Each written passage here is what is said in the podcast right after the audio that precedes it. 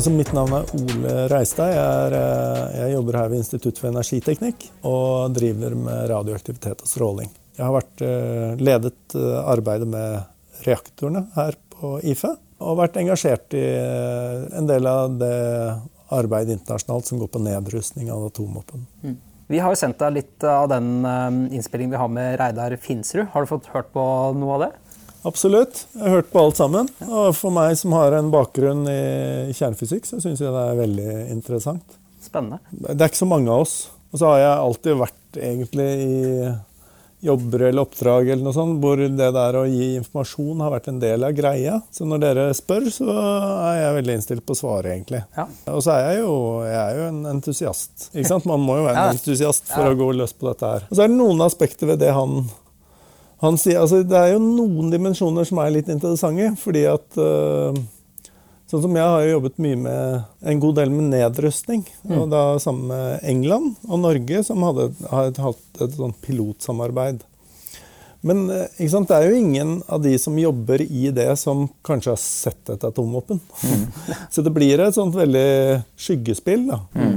Og akkurat nå så er vi ute på atomreaktoren, tidligere atomreaktoren JIP 2 på Kjeller. Det stemmer. Ja. Mm. Skal vi ta oss en liten tur ut og titte på området her? Ja, da ser vi det.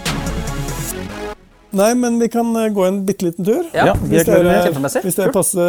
Ja, ja, det passer kjempefint. Så kan vi ta av munnbindene når vi er inne på området igjen. Ja. Vi produserer jo radioaktive legemidler. Ja. Og i den legemiddelproduksjonen så er vi veldig avhengig av å ha personell. Mm. Ja. Så er vi ganske kritisk på tilgang til personell. Ikke, ja. Det er mange grupper vi ikke har så mange av, så da må vi være litt forsiktige at ikke alle, alle konker på en gang. Men det er ikke sant, der hvor dere er nå, her mm. eh, Dette er starten på IFE. Disse to byggene ble bygget av tyskerne. Og det var her de begynte etter krigen. som da ble overtatt av Institutt for energiteknikk i 48. Og så er det bygget der det er jo da delt mellom IFE og Forsvarets forskningsinstitutt. Ja. Så når IAEA kommer her på inspeksjoner, og det gjør de jo et par ganger i året, mm. så er de veldig interessert i det bygget. Det har de alltid vært, fordi det er et av de få byggene i verden som er delt mellom en forsvarsinstitusjon og en nukleær forskningsinstitusjon. Ja. Altså, vi har bare hatt eh, logistikk og varer og blyanter og penner der, men, men det er dit de vil. Ja, okay. For det er sånne ting de er opptatt av. Ja, ja. Men eh, er den reaktoren den er stengt ned, er den ikke det? Jo. Så det er ikke noe Kan ikke dra hjem nå. Har fått liksom viktig besøk. Nå skal vi inn på NUK, nå når det bare dere kommer dere ut. Sånn at vi kan gå inn og herje i ro og fred. Bare gå ut, dere. Ikke se mer nå. Jeg har vært sikkerhetssjef for IFE, da, Kjeller og Halden. Ja. Plutselig så måtte reaktorsjefen her slutte på Kjeller, så da tok jeg over eh, Kjeller.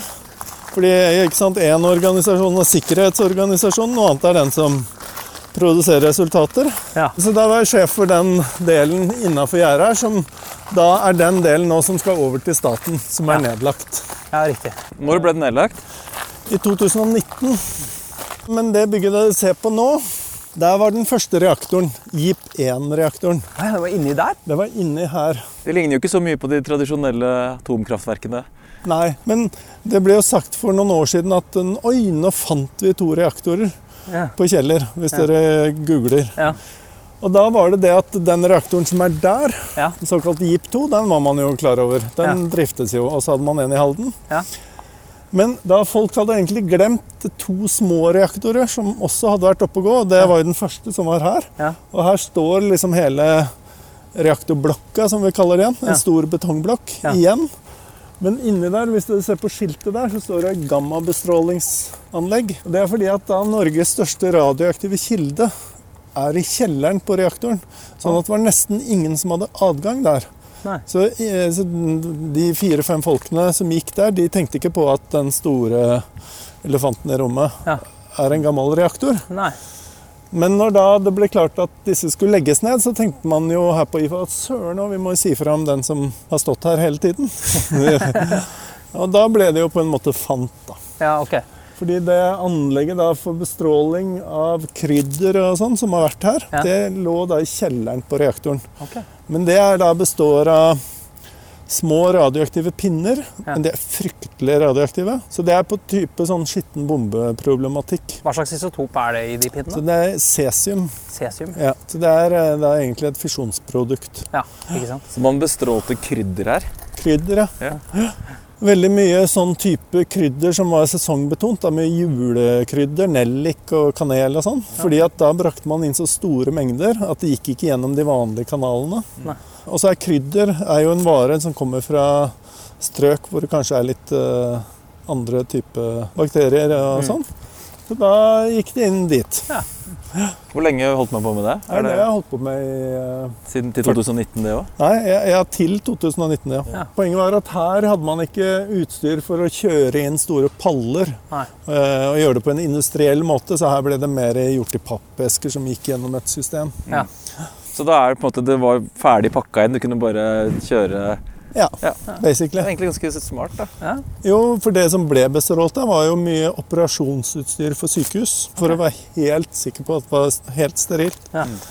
Så det er jo fint med stråling. Og ja. Egentlig er det en fantastisk egenskap til stråling. Ja. Men uh, befolkning, altså vanlig Ola-nordmann er litt sensitiv når det er merket med sånn Bestrålt? Ja. Du syns det er så skummelt ord? Ja. Skummelt ord. Ja. Det er vel Mikrobølgeovn er vel også en form for stråling? Det var vel en periode hvor det også var uh, Ja, nå er det jo 5G og ja. Så det var i hvert fall den første reaktoren. Ja. Så nå skal vi gå her. Eh, fordi at det som alltid har vært spesielt med IFE, det er jo at vi har kjøpt uh, anriket materiale i utlandet. 20 anriket. Ja. Og så har vi laget vårt eget brensel. Oh, ja. Blanda det ned. Ja. Ikke sant? Sånn at du får lavere anriking. Eller den anrikingen vi ville ha, da. De fleste i verden de har jo kjøpt ferdig brensel, men vi lagde brenselet vårt selv. Men sentrifugerte dere da det ytterligere? Eller det, det trengte vi ikke, for da har du helt vanlig pulver. Ja. Og så er dette, Da bare blander du det ned til den prosenten du vil ha. Ja. Så de anleggene, det grå anlegget du ser borti der, ja. der lagde vi brenselet. Så der lagde vi små pellet. altså vi et lite keram. da. Du tok pulver og varmebehandlet det sånn at det ble keramisk. Ja. Og så puttet vi det inn i brenselsrør. Mm. Og så sveiset vi det her, og så satte vi det i reaktoren ja. der. Og så gikk det tilbake til lagring. Der så nesten alt brensel som finnes i Norge, ligger da innafor her. Mm. Der ligger det vel ganske fint? Jo. Det, ligger eh, da, det er jo helt offentlige tall. ikke sant? Vi har jo noe i nærheten av 17 tonn brensel. Ja. Vesentlig uran. Av da mange ulike anrikinger. da. Ja opp til 20% sånn ja. røftlig. Og vi har også litt uran som er da høyt anriket, og det er også alminnelig kjent for Norge deltar da i et internasjonalt initiativ for da ikke at man skal bruke høyt anriket materiale sivilt. Mm. Så det er eh, en av grunnene til at dette området sikres så godt som det gjør nå. Mm. Ja, fordi du kunne jo i teorien bare Du kunne lagd ganske mye ugagn bare med de isotopene som fins her. Og du behøver ikke å lage en atombombe for at det skal være ganske kjedelig. Nei, og, og, da er det jo radioaktiviteten som kanskje er det du er mest ute etter. da. Dere har jo vært borti temaet hvordan lage atomvåpen, og den største hindringen er jo nettopp tilgangen til fissilt materiale. Mm. Så vi kan jo gå et par steg bakover i kjeden på den der etter hvert. Men mm. det, er, det, er, jo Hvorfor er det sånn, og hvorfor har ikke det endret seg? Mm. Det er et sånt finurlig spørsmål. Ja, Det er jo helt nesten komisk enkelt, rent praktisk, hvis du ser på den simpleste formen for atombombe, da, som bare er kanon med, to, med en runding og en plugg, som du skyter mot hverandre med ganske høy hastighet og mye energi. Ja. Så det ser jo tilsynelatende ganske enkelt ut da, hvis du har de riktige komponentene. Ja, men det, det tror jeg det er. Ja. Og enhver fysiker med respekt for seg selv som jeg kjenner, mm. har gjort den beregningen. Ja. I et dertil egnet beregningsverktøy. Da. Mm. Hvor lang tid vil liksom Insertion time. Hvor lang tid, hvor store må komponentene være? Mm. Da burde veldig mange hatt det, da? eller? Ja, men da er det jo spørsmål tilgangen på materialet. Mm. Og det er egentlig den som står mellom oss og at mange, eller der vi er nå, og det at mange har atomvåpen. Ja. Men hvor vanskelig er det å få tak i? Det er ganske vanskelig. Det er simpelt, det er ganske kinkig. Heldigvis, da, kan man si. Jo, men heldigvis. Men, men, kan det Det er jo det alle spør seg om. Kan det virkelig være så kinkig? Mm. Eh, det er jo rundt i alle kjernekraftverk i hele verden. Mm. Det meste av det er jo da la, ja, altså anriket til 4 da. Mm. Kjernekraftverk, hvor mange land er det som har det? Det er vel. Mange. Ja. Så i teorien så har de tilgang til å ganske enkelt lage atombombe? da? Altså, hva er det man sier? Man sier at det er 40 land i verden som, hvor det vesentligste som står mellom dem og et atomvåpen, er intensjonen og viljen. Ja. Eh, og Norge er jo et av de. Ja, ikke sant? Du mente jo at Sverige begynte på et sånt atomprogram allerede før krigen?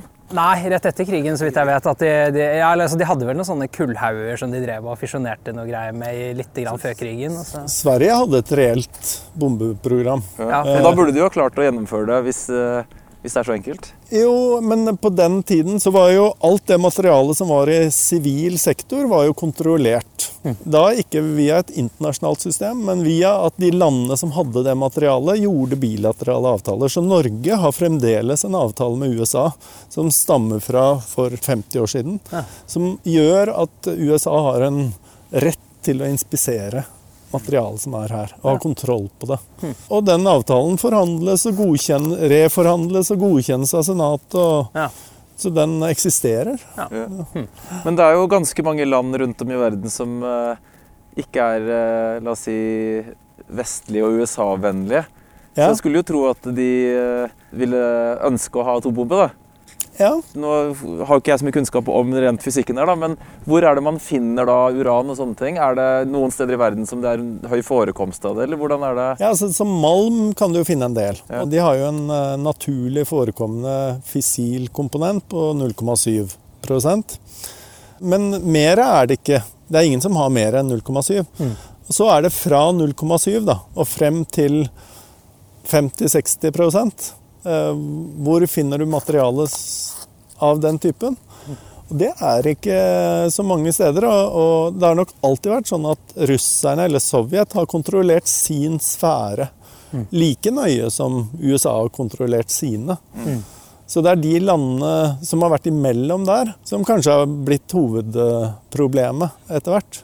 Det er vel mye urangruver i Tibet? så vidt jeg vet. Tibet, men eh, det er jo mye i Afrika. Ja. Og det er jo et par reaktorer òg i Afrika. Og det har jo vært noen bilder av folk som har stått, stått utenfor reaktoren i Kongo ja. eh, nede i Afrika med et ubrukt brenselselement mellom seg. Ja, Når du legger det fram på den måten der, så burde du jo egentlig være veldig redde for at uh, ganske mange land plutselig kan ha atomvåpen. Jo, men det tror jeg mange er. Mm. Jeg, tror jeg, tror det er mange som bruker mye tid og energi på ja. akkurat den problematikken. Ja. Eller ikke kanskje land engang, men kanskje en, eh, si, en, organisasjon eller sånn private. da. Hva var det om, om Shirikyo, eller uh, disse japanske sekten? De hadde et program for ja. å få tak i uran. De som slapp ut den gassen på ja. Saringassen på T-banen. Mm. Så de hadde et program for dette. Ja. Men de hadde, de, hadde, de, hadde det, de hadde, det, man egentlig har forbundet med nasjonalstaten. ikke sant? At mm. den setter i gang et foretak i malm, foretak i et anrikingsprøv. Det var den veien de prøvde å gå. Ja. Eller, det er jo to veier da. Eller så kan du gå til å prøve å få plutonium som kommer fra en reaktor. Ja. Du kan både bruke uran, men du kan også bruke plutonium og kanskje noen andre ja. isotoper i våpen? Alle de som har fissile isotoper. Ja. Og det er jo en del eh, sånn kjernefysikkmessig av stoffer med et uh, ulikt antall kjernepartikler. La oss si Al Qaida var på sitt aller uh, sterkeste. da. Mm. De hadde iallfall ikke skrupler mot at de syntes det var umoralsk å skaffe seg noe sånt? Nei, det tror jeg ikke. Og det tror jeg ble gjort hardnakte forsøk på. Men uh, det, det eksisterer nok også blant terrorister noen persepsjoner at ting er vanskelige og koste mer enn det smaker. Ja. Ja. Jeg håper ikke de hører på den postkassen. jo, men dette er et uh, generelt tema i, uh, hvert fall i, alltid vært i mine miljøer. Mm. Hvis du snakker om forskjellige typer brensel Reaktorer er lavt anriket, men brensel til ubåter mm. og isbrytere. Det er høyt anriket. Og, så de kjører jo i realiteten på atombombematerialer. Ja. Nuclear explosives, ja. som vi vil kalle det på engelsk. Så det er det de kjører reaktorene sine på. Så den store jobben for ubåter og isbrytere er jo kontrollere reaksjonen mens de har veldig mye materiale der. Prøve å sprenge en kinaputt veldig sakte. Ja, for. Men tror du det er mange land som har uh, atomvåpen som de ikke at det er offentlige?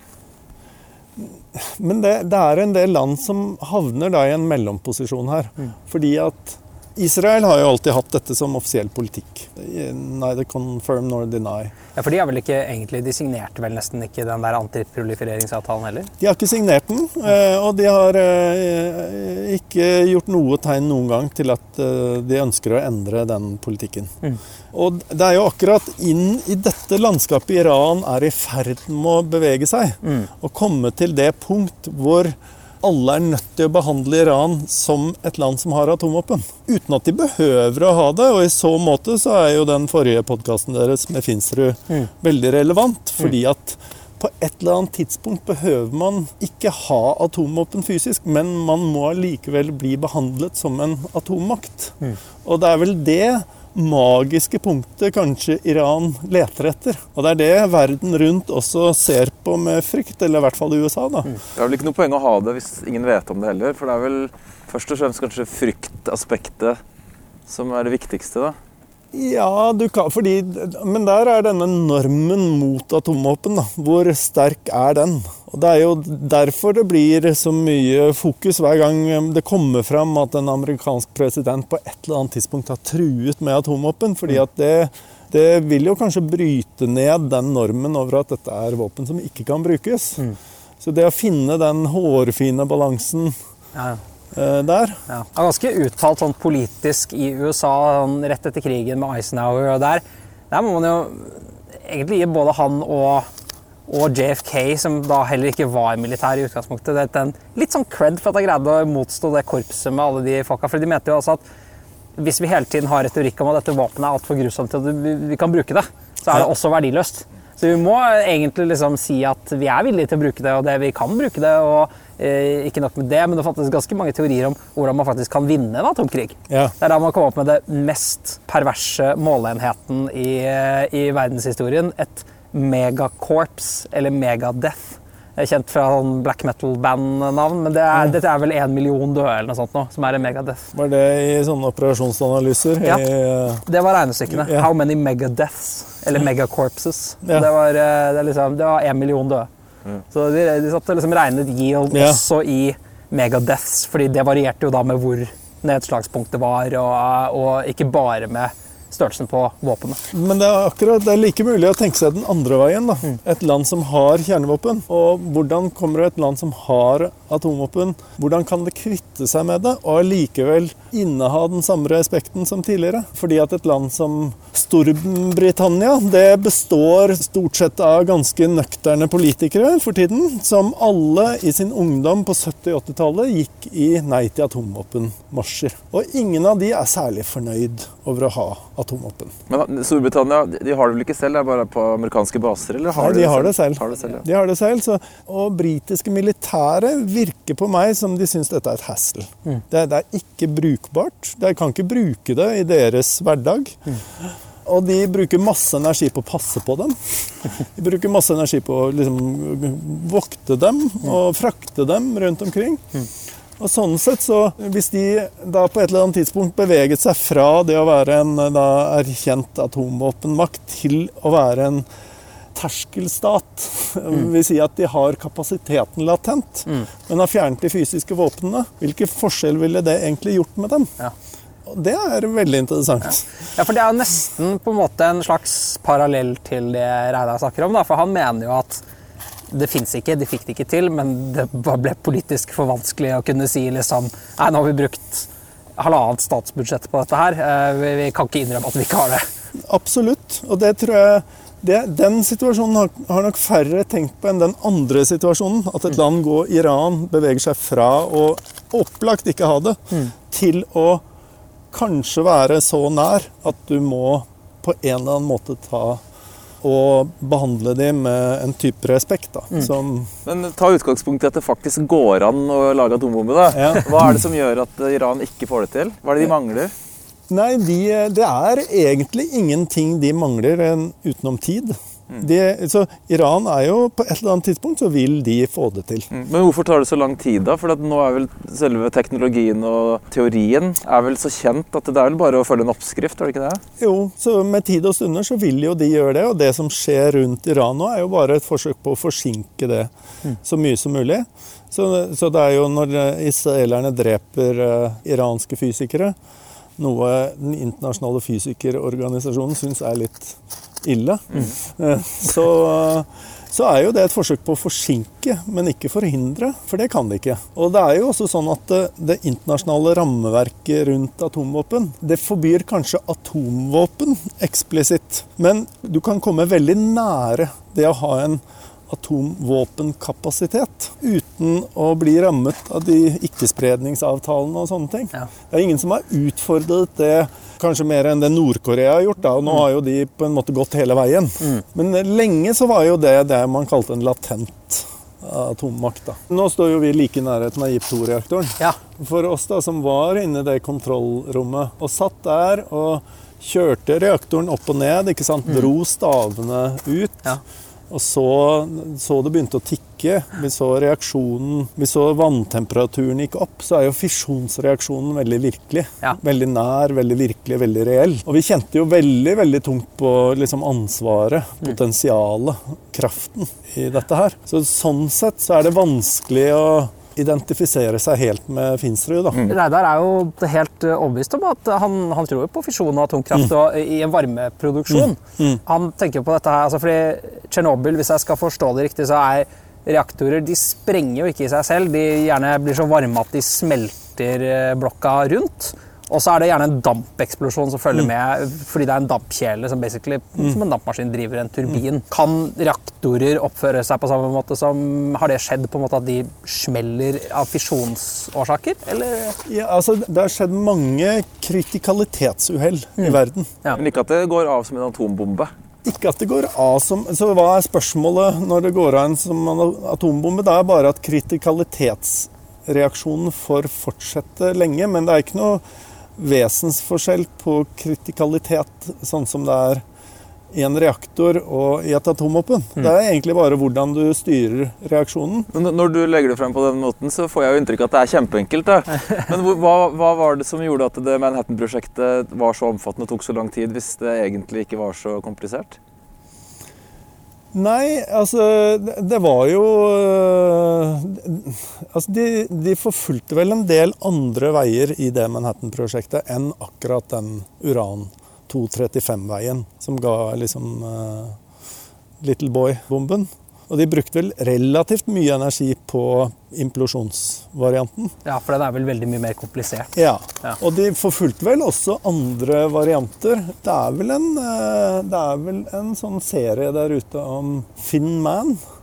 Ja. Eh, den bomben som aldri ble til. Altså Du hadde Little Boy, du hadde Fat Man, og så hadde du Thin Man. Oh, ja. Som da var guntype-varianten av plutoniumsvåpenet. Okay. Som man da hadde en slags fantasi om kunne konstrueres. Men for å gå tilbake til Reidar igjen, da. For ja. han øh, mente jo at øh, det i Hiroshima og Nagasaki var da brannbombing. da. Ja. Dette høres jo veldig sånn banalt spørsmål ut, men hvorfor er atombombe så fælt? Hvis det ikke har vært noe sånn enorme strålingsproblematikk i Japan i ettertid, mm. hva er det som gjør det så mye verre enn bare å teppebombe med brannbomber?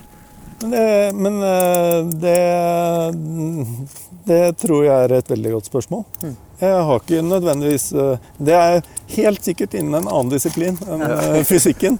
Ja. Men kan jeg fra historiske side, da, der var det jo han derre altså både Douglas MacArthur og flere av disse ja. generalene i krigen de skjønte jo ikke, de syntes jo bare Manhattan-prosjektet var noe ordentlig tull. Ja. Fordi de var sånn Ja, det er fint det at vi kan ha én bombe som fortsetter, men vi får jo dette her helt fint til ja. allerede.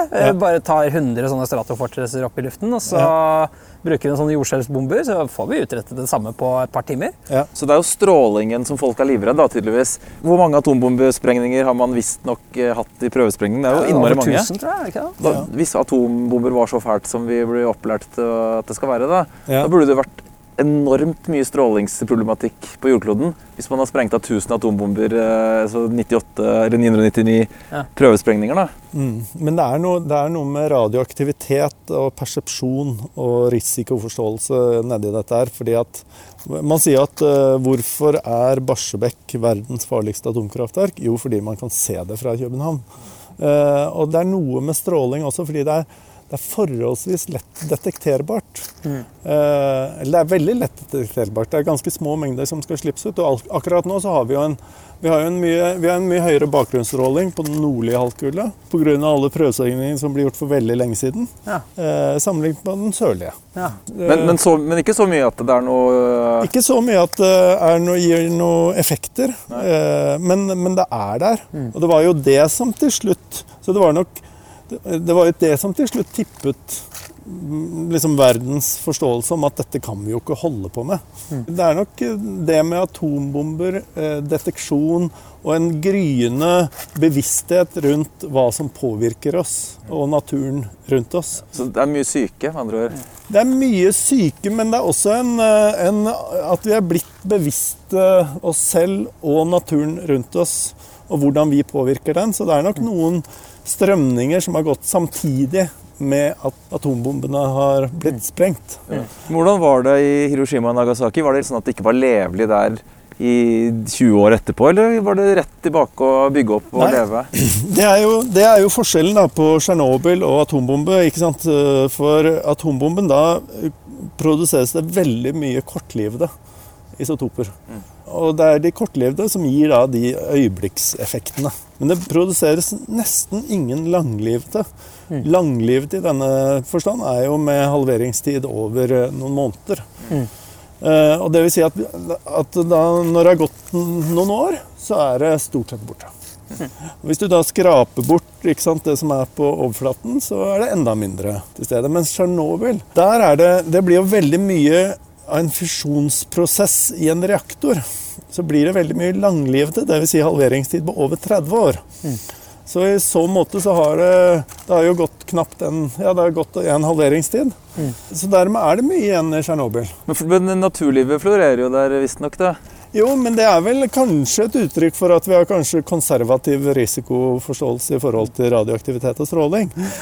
altså Når uh, min eh, fastlege spurte meg om uh, ja, du skal ta en CT nå, og da blir det jo en del stråling. Og da sa jeg glem strålingen, da. Jeg vil ha det bildet. Men sånn befolkningsmessig, mm. eh, etter de modellene vi opererer nå, så skal du ikke ta for mange CT-bilder. Mm, mm. Men jeg kjenner jo på meg at den fordelen jeg vil ha av det bildet, er mye større enn uh, enn det at vi skal ta vare på befolkningen som helhet. Det er jo ganske mye stråling hvis du tar deg en eh, flytur over Atlanteren også?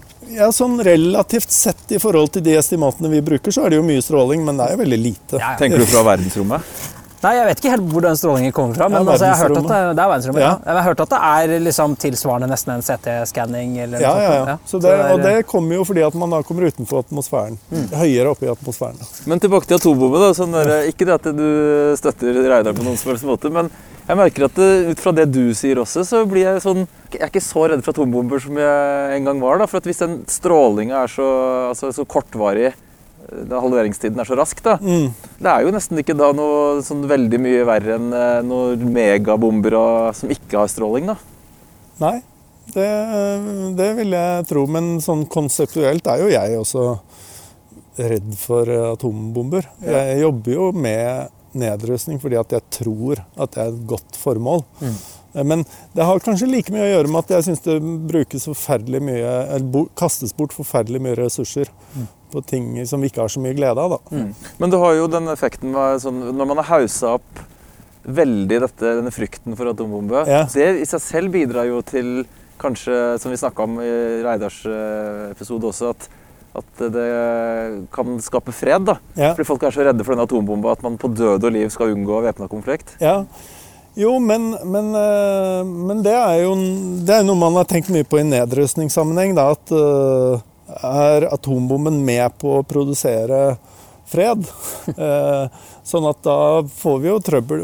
Hvordan skal vi da fjerne bombene? Og så tenkte vi nå at ok, vi kan bevege oss nedover i nivåer fra tusener, mm. kanskje til tusen, da. Det er Konseptuelt tenker vi at kanskje 1000 atomvåpen gir det samme resultatet som 10 000 atomvåpen. Mm.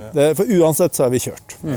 Jeg tenker også at vi tar utgangspunkt i at, det fins, ja. og at det er så lett å skaffe seg det. Ja. Ville jo kanskje vært ikke noe spesielt smart for eh, verden om alle stormaktene som vi selv syns er snille, da, ja. kvitter seg med det, og så sitter bare terrorister igjen med det. Nei eller land som man ikke syns er så Som er mer uforutsigbare. Axis of evil. Axis of evil. Ja. Men det er jo en viktig distinksjon her. som jeg tenker at liksom, Du har jo vanlige konvensjonelle fisjonsbomber. Altså På 50-tallet så fant uh, USA opp hydrogenbomber, som da, så vidt jeg forstår, bruker en vanlig fisjonsbombe for å sette i gang en fusjonsprosess. Mm. Er det vesentlige strålingsforskjeller fra en fisjonsbombe til en fusjonsbombe? Nei. Nei. Det er kun en spørsmål om størrelse. Og, og det, er, det, er, uansett snakk om kortlivet aktivitet. Og man snakker om at altså hvis man går til fusjonsreaktorer, så mm. produserer jo de veldig mye mindre ja. uh, avfall enn fisjonsreaktorer. Ja. Men uh, det er jo et stykke igjen til fusjonsreaktorer. Ja. Thorium hadde vært greit å få til i mellomtiden? Thorium, men så er spørsmålet er thorium det er jo, er thorium noe vesensforskjellig enn uran. Altså vår, eh, eller Min vurdering er at det er egentlig ikke noe vesensforskjellig. fordi du må, du må uansett inn i en fisjonsreaktor. Du kommer innom spredningsproblematikken uansett. Mm. Thorium lager uran i reaktoren. Så det som bare thorium gjør som gjør tingene litt mer, mer vanskelig enn andre reaktorer, er at thoriumreaktorene krever kanskje at du har en flåte av reaktorer for at de skal være lønnsomme. Ja. Poenget med thorium er jo at du også produserer uran når du lager thorium. Mm. Og så vil du gjerne bruke det uranet videre i nye reaktorer. Eh, og da må du ha en slags eh, reprosesseringsaktivitet, da, og da er du i gang. Da er du på kjøret. Atomvogna, ja, da er, liksom? Da er du på atomkjøret. Ja. Kan man lage atombombatoriumet? Ikke av thoriumet. Man kan heller ikke lage reaktorer av thoriumet, for thoriumet må omvandles til uran i reaktoren. Ja. Sånn at du får ikke en thoriumreaktor i gang uten å ha en noe som booster det i gang. Mm. Altså, du må ha litt uran for å få satt i gang en thoriumreaktor. Mm. Og det beste for å sette i gang en thoriumreaktor, det er høyanriket uran. Ja. Som er tilsvarende det der og bomber. Og så er du på kjøret nok en gang. Ja. Men da, da er det hele thoriumdebatten egentlig bare litt tull, da?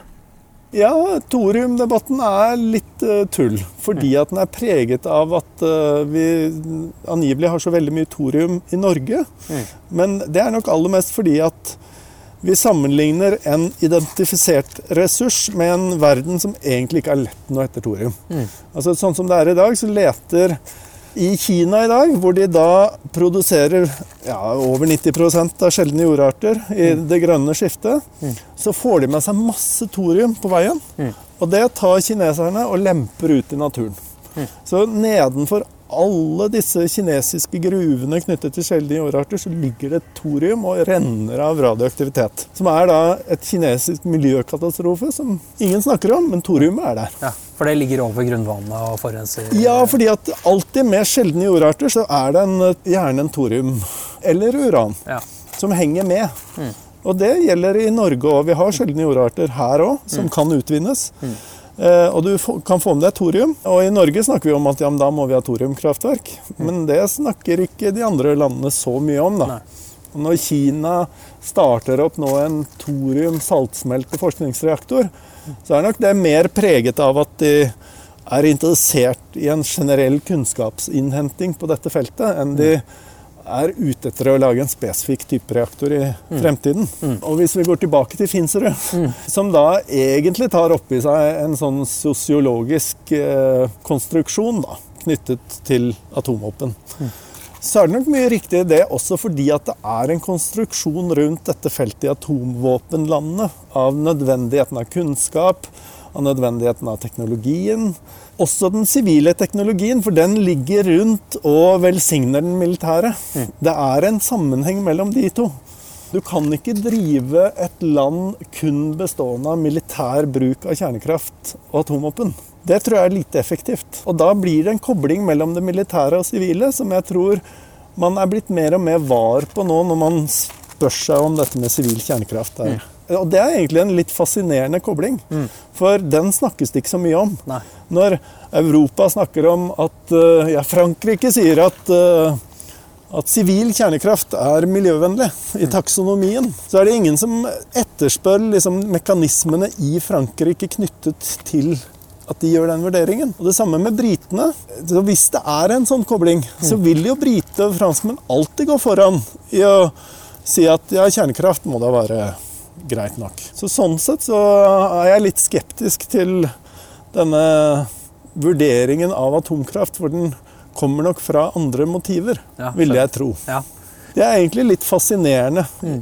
i betraktningen rundt atomvåpen. For det er egentlig en stor sosiologisk del av samfunnet som er knyttet til våpen og kraft totalt sett. Hvis du liksom skal ta kjernen av den teorien, da, som egentlig, altså om det er by hook or by cook, eh, ja. om det er for å skape verdensfred eller skape seg et eh, At det er en slags sånn, hva skal jeg si, en, eh, som du sier, sosiologisk konstrukt da, som ja. er terrorbalansen. At det er ingen som kan si at ja, men vi har ikke kjernevåpen. Det, det har ikke vi. Altså, Er det matematisk sikkerhet? At man vet liksom, Er det allment kjent? Prøver å grave litt i, i liksom den kjernen da, av teorien hans. Nei, men for oss som lever i feltet altså vi har Eh, vi har sett reaktorene, de, vi har sett kritikalitet, vi har sett uh, stråleskader. Alle de tingene er konsistent mellom vanlig radioaktivitet fra mm. strålekilder og fra kjernereaktorer. Mm. Sånn som det systemet som har bygget opp når det gjelder forståelsen av radioaktivitet, mm. den hviler jo egentlig på studier av de overlevende etter Hiroshima og Nagasaki. Mm. Og Det er jo en egen FN-kommisjon, UNSCARE, som bare hadde som formål å se på de overlevende, og dermed lage hypoteser knyttet til radioaktivitet, som egentlig er de vi hviler på i dag. Mm. For man får ikke gjort forsøk med dette her. Nei, det er litt vanskelig. Nei, det er litt vanskelig. Men, men, men hva fant man ut av disse ettervirkningene av Hiroshima og Nagasaki? Eh, da fant man ut egentlig det vi hviler på i dag når det gjelder radioaktivitet. All vår kunnskap er basert på det. Mm. Men Var det mye misdannelser og kreft og andre sykdommer? Ja, altså Det var jo reelle skader, forbrenninger. Man har jo de hibakushene, disse overlevende etter uh... ja, Forbrenning ville jo vært med en vanlig, vanlig bomber òg. Absolutt, mm. ja. Men Eh, og, og, så har man da hypoteser om eh, genetiske skader. Mm. Det, men det har man ikke sett så mye av. Ja. Det har gått veldig bra med Japan i ettertid. da. Kanskje dere ble smartere av det? Ja, det er noen som sier det, ja. Om eh, radioaktivitet. men, men, da kommer man tilbake til forståelsen av radioaktivitet. Mm. Og den er jo også kanskje ganske grunn. Fordi vi har noen hypoteser der som er føre var-hypoteser. Mm. Men der står vi fortsatt. Skal vi gå ned? Vi bare ja, går rundt gå den veien. Ja. Her har vi gift 2. Da. Den ser ut som en litt stutt kornsilo med et tilsluttende bygg og så en liten sånn aluminiumspipe. Er det kjøletårn, eller? Den eh, pipen er, ja. Eh, er et uh, tårn for utslipp av radioaktivitet. Oh, ja. Og det er bare for at det skal være litt høyt, sånn at det ikke ja. går rett i hodet på oss som jobber her. okay. Så det kommer faktisk Havner litt mer i hagene til de som bor på andre siden av veien. Er ikke reaktoren helt lukket?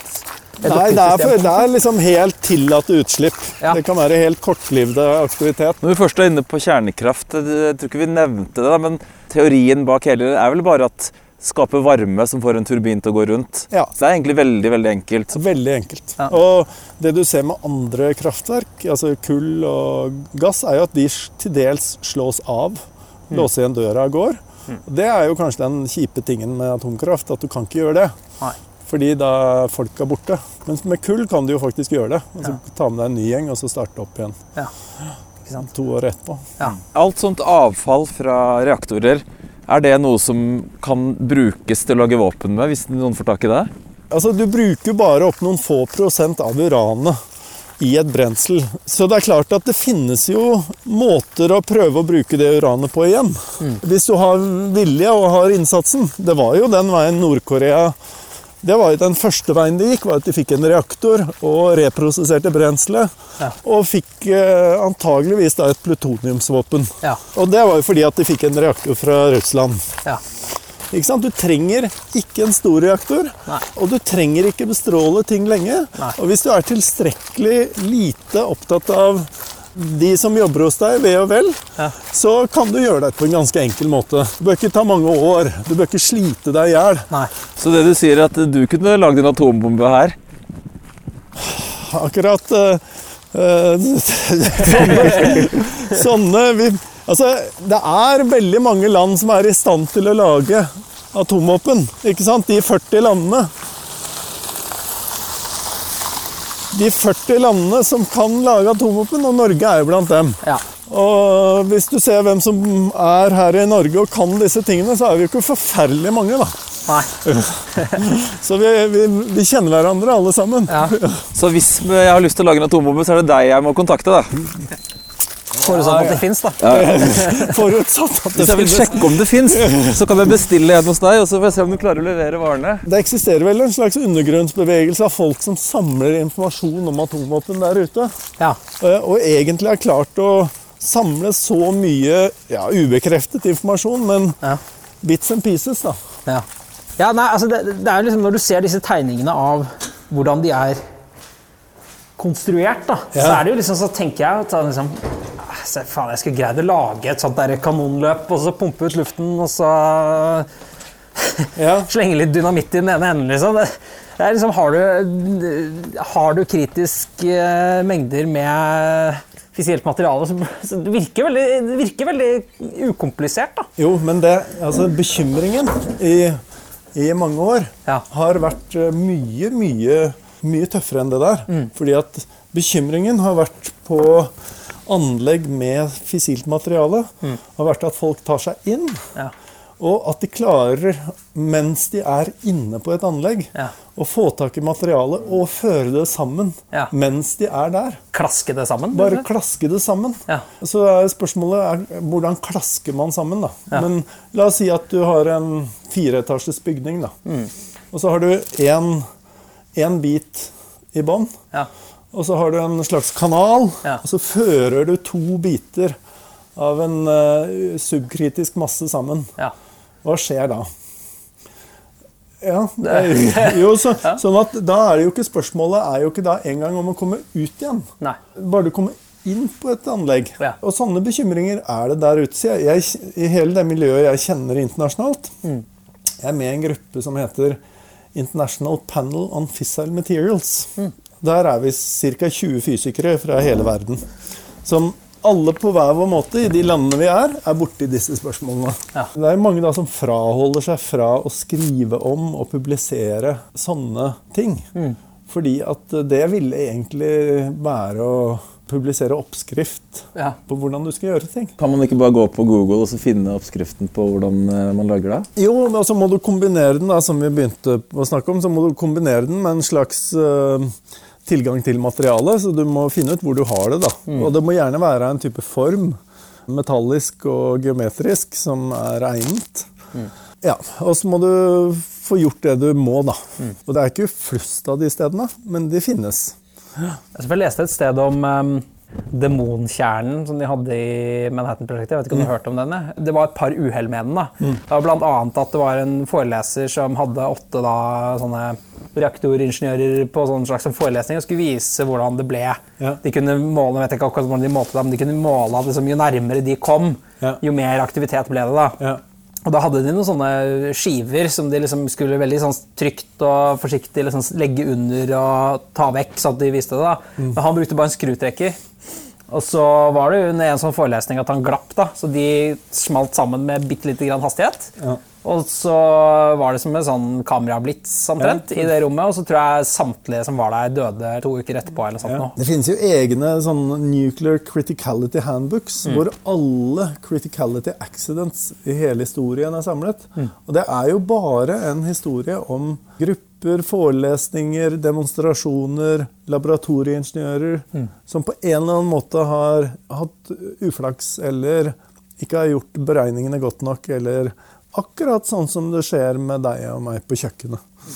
Eh, ikke sant? Det er, det er, så enkle forhold. Tinsrud han eh, bestrider jo ikke at, at det kan være Nei. farlig. Nei. Men det han bestrider, er selve den eksplosjonen ja. som alt skjer på en gang. Da. Ja. Og det er jo litt sånn, Jeg syns det er litt sånn besnærende det der med at det, ikke har kommet noen atomvåpen på avveie etter at Sovjetunionen eh, gikk i oppløsning. Mm. Veldig mye sånne småting som skurrer litt, da, som gjør at den teorien er litt, gjør, er litt morsom. Da. Ja, men det som gjør at den er interessant, er jo at det er en kjerne av realitet. Fordi at det er ingen som går rundt og og håndterer kjernevåpen. De brukes ikke til noen ting utenom som konseptuelle altså elementer i politikk og forestillinger og diskusjoner og forhandlinger. Det er fascinerende. Mm. Altså fordi Det som jeg prøvde å stille Reidar spørsmålet da, på en måte, at det er jo alltid en slags sånn Hvor mange er det som må holde kjeft for at en konspirasjon skal kunne eller at en hemmelighet skal kunne holdes? da? Ja.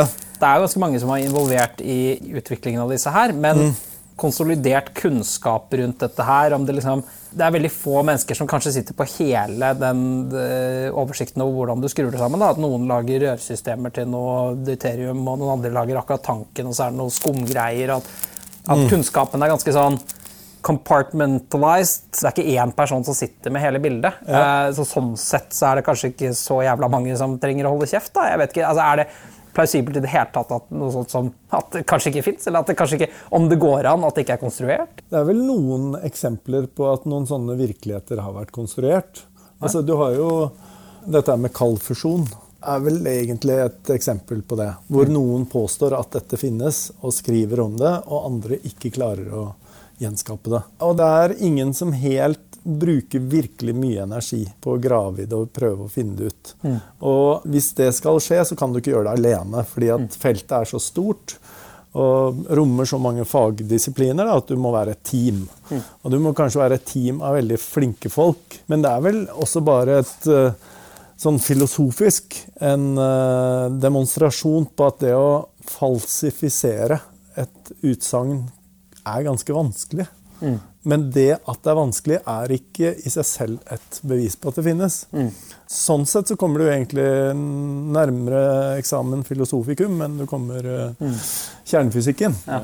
For meg så er det, hvert fall, det er veldig kort mellom fysikk og filosofi. For meg så er fysikken en måte å se verden på. På den annen side, det er også veldig kort mellom filosofi og kunst. Og mm. konstruksjon. Og virkelighet. Mm.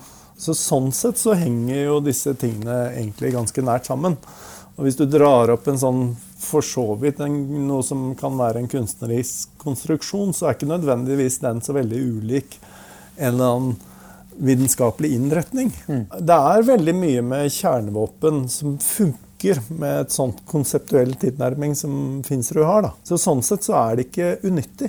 Mm. Det er derimot ganske produktivt. Fordi at hvis du sier at det er sånn, så vil du oppleve at det er mange som forholder seg til at det faktisk er sånn. Og sånn er det med kjernevåpen. Mm. Sånn at det er ikke unyttig i det hele tatt. Så Derfor er det ikke noe grunn for å avfeie det på den måten. Det er tvert imot uh, Man skulle heller undersøke det litt og snakke litt om det og se hvordan er det brukelig. Og så er det jo ikke akkurat bare sånn der å gå på bakrommet og teste det ut selv om du får det til å funke. Så det er veldig vanskelig for noen som helst, selv om de er uh, høyt uh, utdanna i riktig felt, å egentlig teste om det faktisk ja. går an. Det, går jo, det, er jo umulig. Ja. Vi hadde jo én person som døde her på IFA radioaktivitet. Mm. Som ble utsatt for den gammakilden ja. som dere var på for, Stråling, den. Ja, for 40 år siden. Ja. Eh, som ble funnet på trappa der. Akkurat der hvor skiltet dere mm. så skiltet. Men så akutt at han døde der og da? Ja, han, han ble funnet bevisstløs, og så trodde man at det var hjertet. Mm. Uh, og Så tok han han til sykehus, og så viste han tegn på det man har egentlig sagt er stråleskader. Mm. At det var den typen uh, effekter i kroppen. Mm. Og så hadde han en pakke med nitroglyserin-tabletter i lommen på jakka, for han hadde hjertelidelse. Og var derfor man trodde han hadde et hjerte hjerteinfarkt. Men når man undersøkte de, så kunne man se at de var bestrålt. Så da har han antakeligvis lent seg over kilden når han har vært i åpen posisjon. Mm. Uh, og han kom aldri til bevissthet og døde etter 14 dager. Uh, så da er man jo tilbake til hele denne Alt det som omgir oss av fakta og forståelse og erfaringer. Tilbake til Finsrud, da. Mm. Uh, som egentlig er er med på å bygge ut det bildet vi har av radioaktivitet, kritikalitet, reaktorer, spaltbare materialer. At den verden er veldig virkelig for oss. Da. Veldig ekte og virkelig og reell. Mm. Eh, selv om vi ikke har sett et atomvåpen. Kun lest om det i en bok? Jeg kun lest om det i en bok, og jeg, og jeg har til og med vært rundt på engelske atomvåpenanlegg for å lære om nedrustning. For at verden skal kunne etablere prosjekter hvor land uten kjernevåpen kan være med på å ruste ned i land med kjernevåpen. Mm. Eh, sånn at verden kan ha et slags fellesskap knyttet til nedrustning. For konseptuelt så mener jo flere av de store kjernevåpenlandene, sånn som Russland og Kina, at dette er bare en sak for land med kjernevåpen. Mens vi i Norge har sagt at hei, hei, det er det jo ikke i det hele tatt. Vi er like mye affektert av disse våpnene, vi som dere. De, de, ligger jo rundt oss også. Men da kommer vi rett inn i den der, eh, en slags sånn uh, spesiell virkelighet. da, Å monopol, monopolisere nedrustning. Mm. Og det blir en slags sånn sekt. En slags sånn sosiologisk uh, internasjonal forståelse av hvem, kan være, hvem er innafor og hvem er utafor. Eh, og det har vi forsøkt aktivt å bryte ned. Da. Det kan ikke være sånn. Det, verden kan ikke sitte stille at 177 land skal se på at uh, åtte land finner ut av dette på egen hånd. Ja, For å snu om på det, da, så er det jo 40 land som da kan uh, skru det sammen ganske kjapt. Så hvis alle de 40 landene gikk sammen og sa hvis det bare er en sak for folk med atomvåpen, ja. kan ikke vi bare skru det sammen? da? Skal vi se hva dere syns da? Men det er jo ikke sant, ikkespredningsavtalen hvor mange land da forplikter seg til ikke å ha det. Den er, den eh, er, jo bare en forsinkelse. For dette er, vi går jo mot en tid hvor dette er mer og mer allment og lett tilgjengelig kunnskap. Det er bare dere et eksempel på. ikke sant? Mm. Mm. Og sånn vil det fortsette. Det er liksom noe konseptuelt i dette feltet som har helt mistet sin betydning. Mm. Men produseres det fortsatt atomvåpen? Ja. Men eh, hvem er det som gjør det? Det, det, må jo være private våpenfabrikker, eller hva skal vi kalle det? Ja, nei, altså USA har jo sine Som eies av Forsvaret? Eller, er ikke Lockheed Martin? Ja, du har Lockheed Martin, og du har, du har noen produsenter som er uh... Og de lager selve stridshodene, rett og slett? Ja. Men da er det jo på en måte noen private firmaer som driver og Altså private og private, det kommer an på hvordan du ser det. Men, men da jobber det jo folk som kanskje ikke er innafor det militære. da i å bygge dette greiene her. og da er det jo... Ja, men det er, sånn er det. Altså, så, men det, det, er jo virkeligheten uh, i USA. Mm, men da tenker jeg at da er jo skrittet for å, at andre kan, kan, kunne lage det, da, når dette er sivile bedrifter som uh, driver og bygger det, da ja. burde det ikke være spesielt vanskelig for hvermannsen i andre land å gjøre det heller. Men den, det er en slags sånn latent kapasitet. altså I Sør-Afrika sitter det jo mange folk som kan lage atomvåpen, mm. som ikke gjør det. Det samme må de gjøre i en del andre land i verden. Sverige? ja, som, men for, der er, i Sør-Afrika må det jo være faktisk noen som har laget dem. da. Mm. Ja. Eh, og det er jo også et, nok et sånt Finsrud-eksempel. fordi når de sa de hadde atomvåpen, mm. så de var jo veldig nøye med å ta alt fra hverandre før de inviterte verden inn. Ja. Akkurat det samme i Libya, når, de, når Gaddafi åpnet opp. Eh, da var det jo bare spor å finne, tegninger og sånt. Fordi at da hadde USA og England vært inne og ryddet opp. Clean the place. Ja. Og når Det internasjonale atomenergibyrået går inn og skal verifisere atombombeprogrammer, så er det bare eh, vitenskapsfolk fra land med atomvåpen som har lov til å gå inn og se på selve designen. Scientists som meg fra land uten atomvåpen, vi har ikke lov til å tilegne oss den kunnskapen. Så det derre presteskapet, eller det sosiologiske konteksten rundt atomvåpen, den er, eh, den er der. Mm. Veldig mye.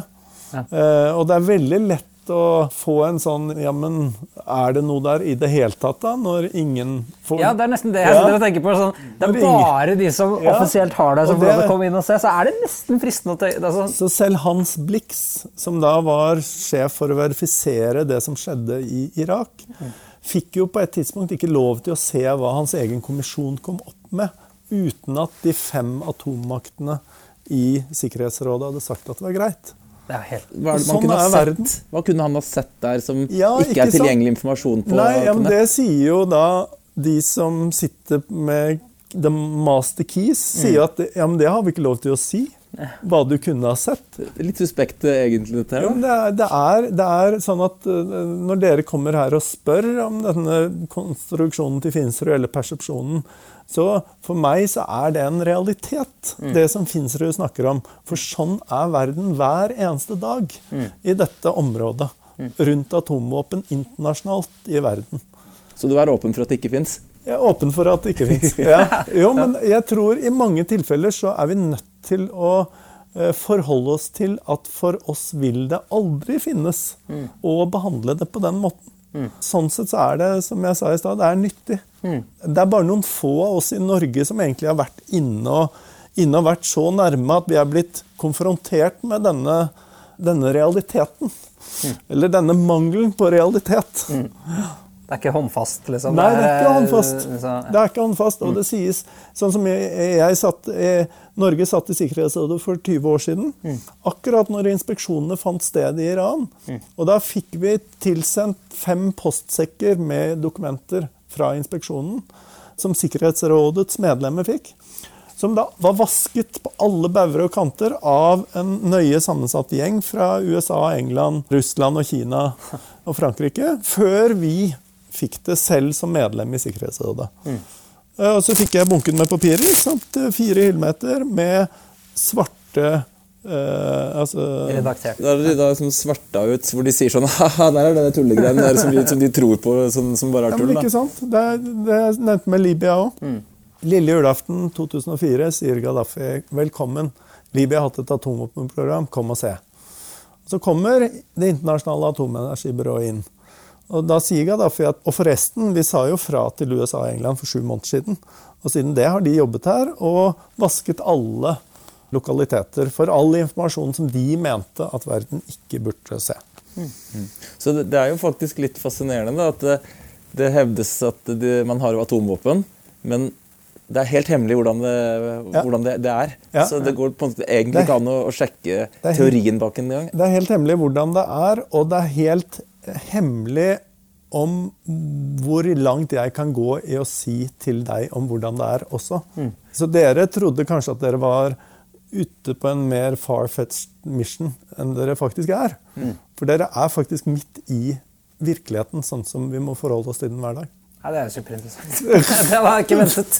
jeg hadde ikke trodd at jeg skulle komme hit og fortsatt være usikker. Nei, jeg trodde ikke Det Altså, det er jeg og en til på Statens strålevern som jobber, har jobbet med dette. her. Mm. Vi har møtt på den. Vi syns dette er ikke sant? Dette er en form for apartheid som, mm. som verden ikke kjenner til. Eh, og som ingen, eh, de store landene ikke har noe interesse av å vise frem. Men mm. dette er realitetene. Eh, og vi skjønner bare ikke hvordan man konseptuelt kan komme frem til en verden uten atomvåpen.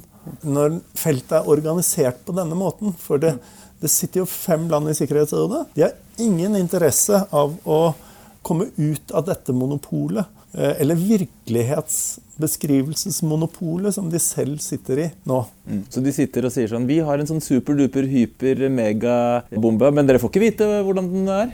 Ja, så, så uh, Lederen av uh, Det internasjonale atomenergibyrået i dag, Grossi heter han, mm. han er argentiner. Han vil aldri få se den informasjonen Nei. som er relatert til atomvåpen, hvis han skal gå inn i et land og se på det. Så det, det du egentlig sier, som jeg spurte om tidligere, var at sånn, hvem som helst kan lage det. Men ingen kan lage det, for det, oppskriften eller informasjonen er så hemmelig at uh, det er bare de landene som allerede har atomvåpen, som mener å sitte med den informasjonen? Og som mener at de har lov til å sitte med den. Ja. Uh, og den er ikke tidsavgrenset. Mm. Den tiden de har lov til å sitte med den. Sånne konseptuelle ting som vi har vært engasjert i, da, som vi fortsatt er Hvis Nord-Korea kollapser mm. da er det jo ett land som har veldig stor interesse av å finne ut hva som er i Nord-Korea. Det er Sør-Korea. Men Sør-Korea, pga. det status som ikke-kjernevåpenland, vil aldri få lov til å gå inn i de sensitive anleggene i Nord-Korea mm. før et land som Russland eller USA har vært inne og vasket det for relevant informasjon. Derfor burde vi, da, som land som ikke har kjernevåpen, vi må jo på en eller annen måte prøve å få en slutt på denne apartheiden knyttet til kjernevåpen og kjernevåpenkunnskap. Mm.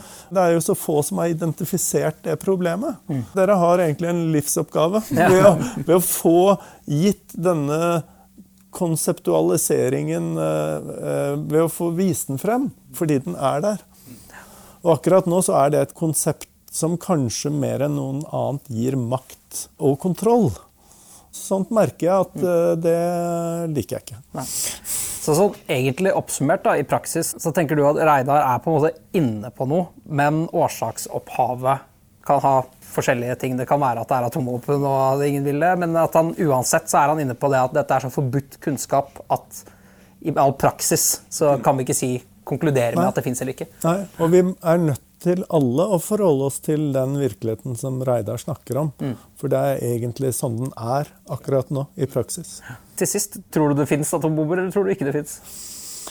Eh, jeg vet jo ikke sikkert, men eh, all, eh, liksom all min praktiske erfaring med materialene Jeg har sett uran, jeg har sett plutonium, jeg har sett alle de andre egenskapene. Jeg har sett det brukt i en reaktor. Jeg har, styrt, jeg har ikke styrt reaktoren selv, men jeg har sett den bli styrt av en av mine. Så jeg har kjent den er trukket. Tilsier for meg at det finnes, de elementene i et atomvåpen. Ja. Lenger enn det kan jo ikke jeg gå. Mm. men det er litt lenger enn eh, dere. Men det er kanskje ikke Det er bare en kvalitetsmessig forskjell.